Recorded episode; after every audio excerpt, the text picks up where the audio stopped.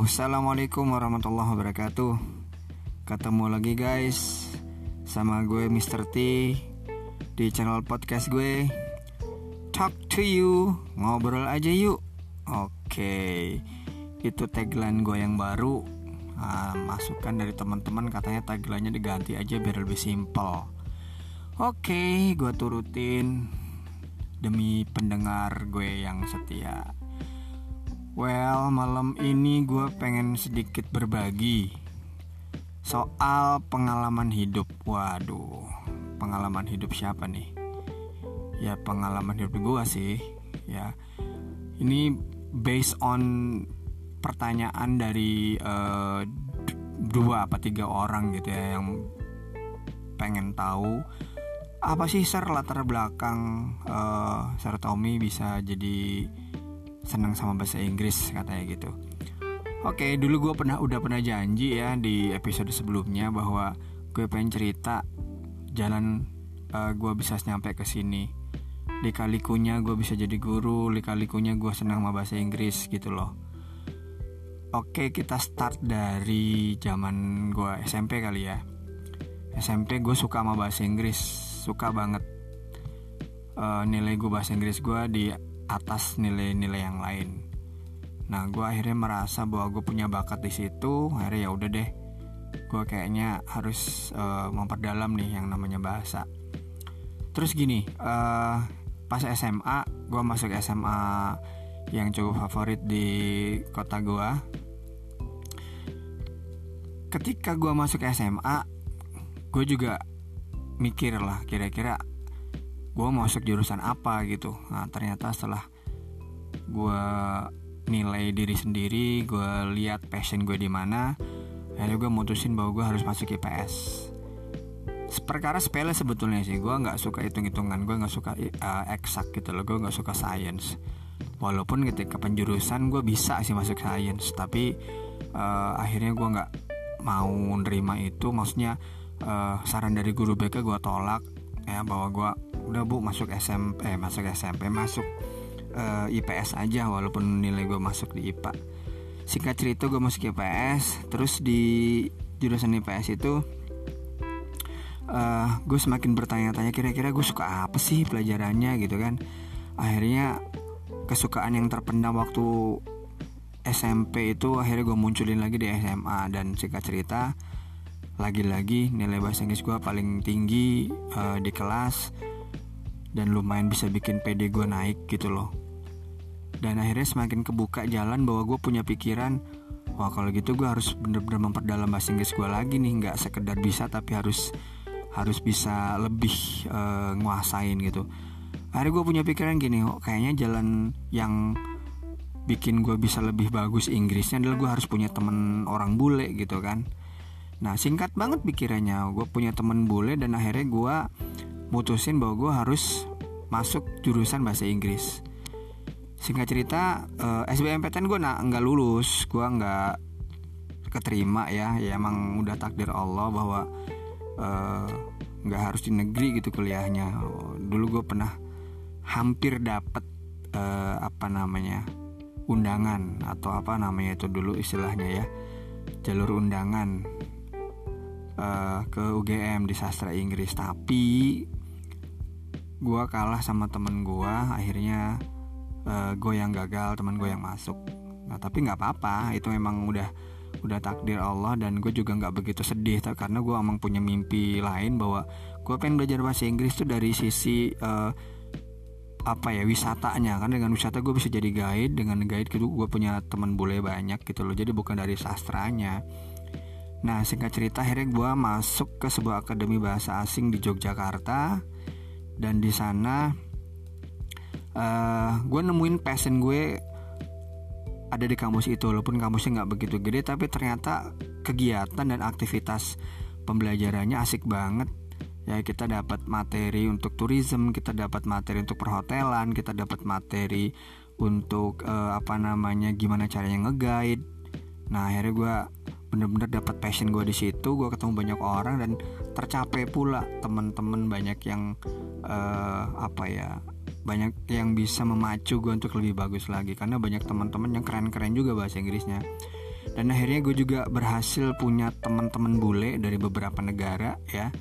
Dari uh, Inggris dari Amerika gitu. Dari Perancis juga sempat ada nah akhirnya gue magang selama kuliah itu gue nyoba-nyoba untuk ngeguide ya ngeguide uh, di ya ngegeget liar gitu lah untuk coba-coba nyali aja untuk bisa bawa bule ke tempat-tempat wisata gitu. Akhirnya gue punya beberapa uh, temen bule dan gue semakin pede bahwa oke okay, kalau gitu gue harus nerusin bahasa Inggris gue gitu kan.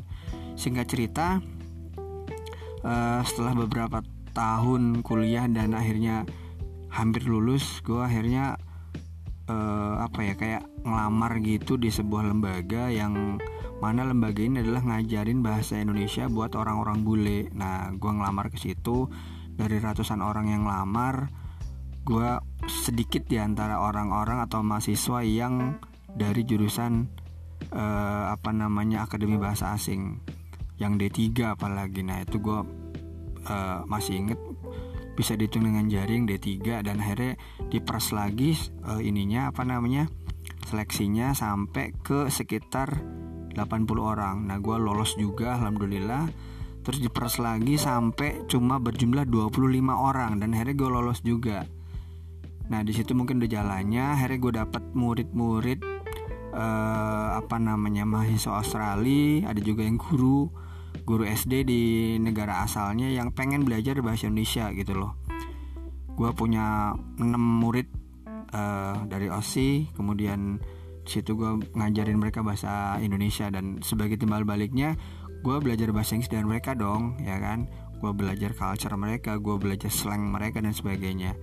Akhirnya nggak tau kenapa kok gue dapet passion kok ngajar enak ya gitu. Ngajarnya emang nggak di kelas karena gue termasuk bagian atau uh, apa namanya eh, orang-orang yang terseleksi masuk ke bagian tutor bukan teacher gitu. Jadi tutor itu uh, intinya ngajarin orang tapi nggak dalam kelas. Itu ngajarinnya bisa di mall bisa ke pantai bisa jalan-jalan bisa di mana aja yang kita suka gitu loh. Sambil jalan-jalan kita belajar. Wah asik banget pokoknya. Dari situ gue mulai belajar uh, cara ngajar ke orang gimana. Sambil gue juga belajar nge-guide dan sebagainya akhirnya di situ gue punya kesimpulan bahwa ternyata tantangan untuk bikin orang ngerti itu asik juga gitu.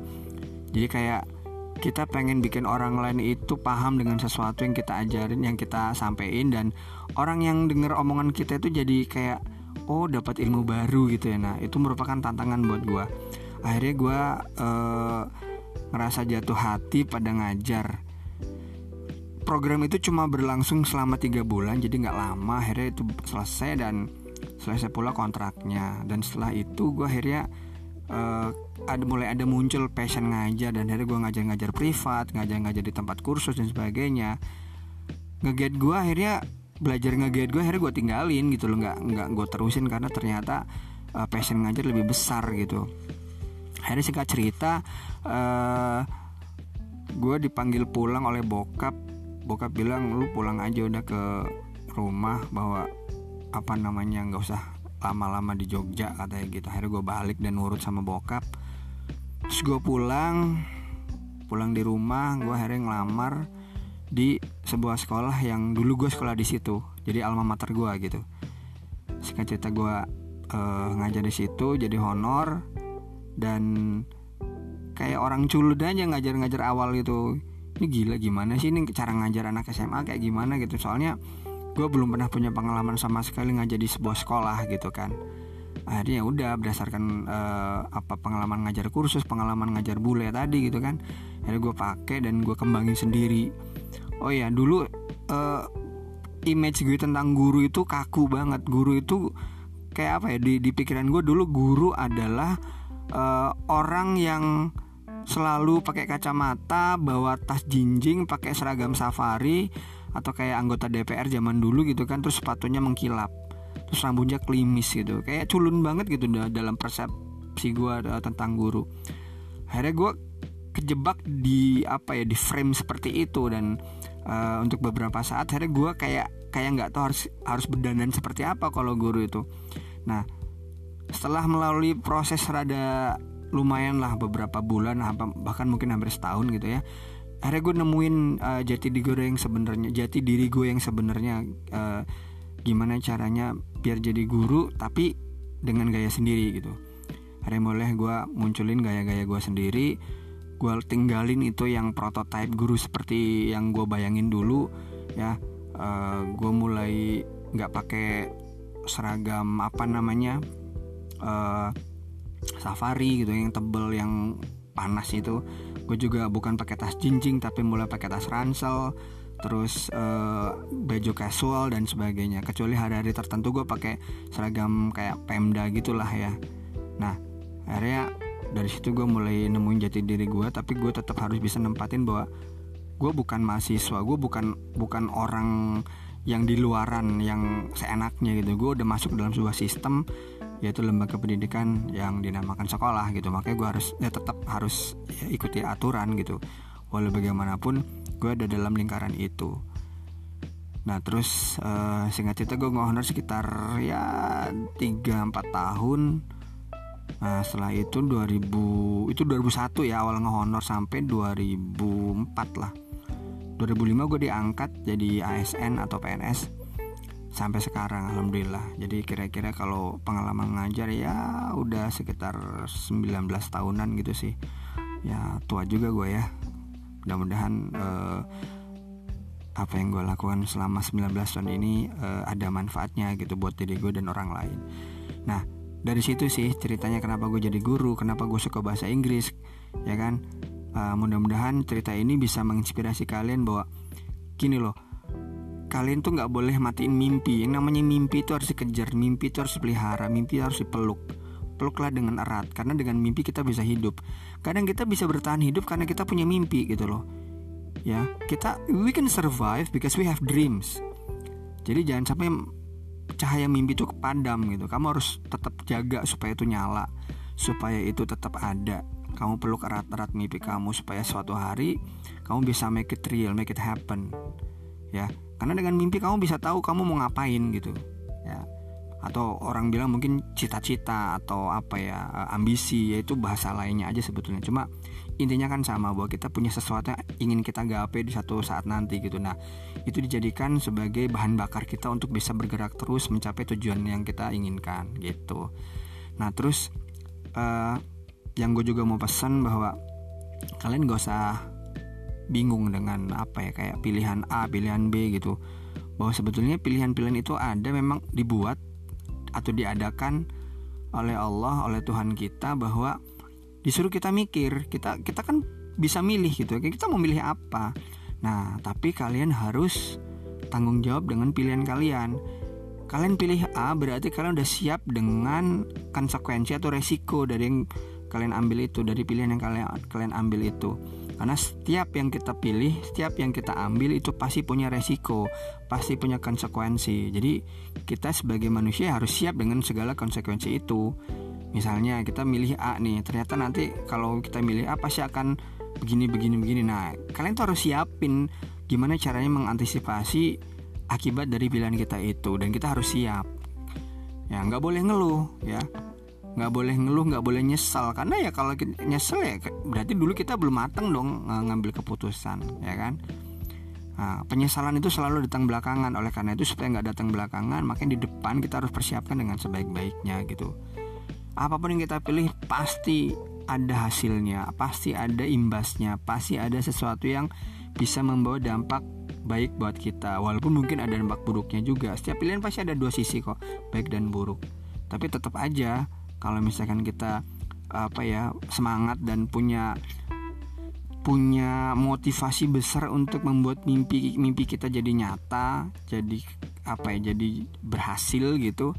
Ya insya Allah Eh, hal-hal uh, buruk itu bisa diminimalisir kan kita jadi uh, lebih fokus terhadap apa yang kita inginkan gitu sih ya oke okay guys mudah-mudahan cerita gue yang mungkin gak seberapa ini bisa dijadikan ya minimal apa ya kayak uh, motivasi atau mungkin inspirasi harapan gue sih gitu. Ya mudah-mudahan kalian semua juga punya mimpi yang terus dipelihara apa pun mimpi kamu mimpi-mimpi kalian itu tolong jangan dihilangkan gitu karena dengan mimpi kita bisa tetap bertahan hidup. Oke okay, guys.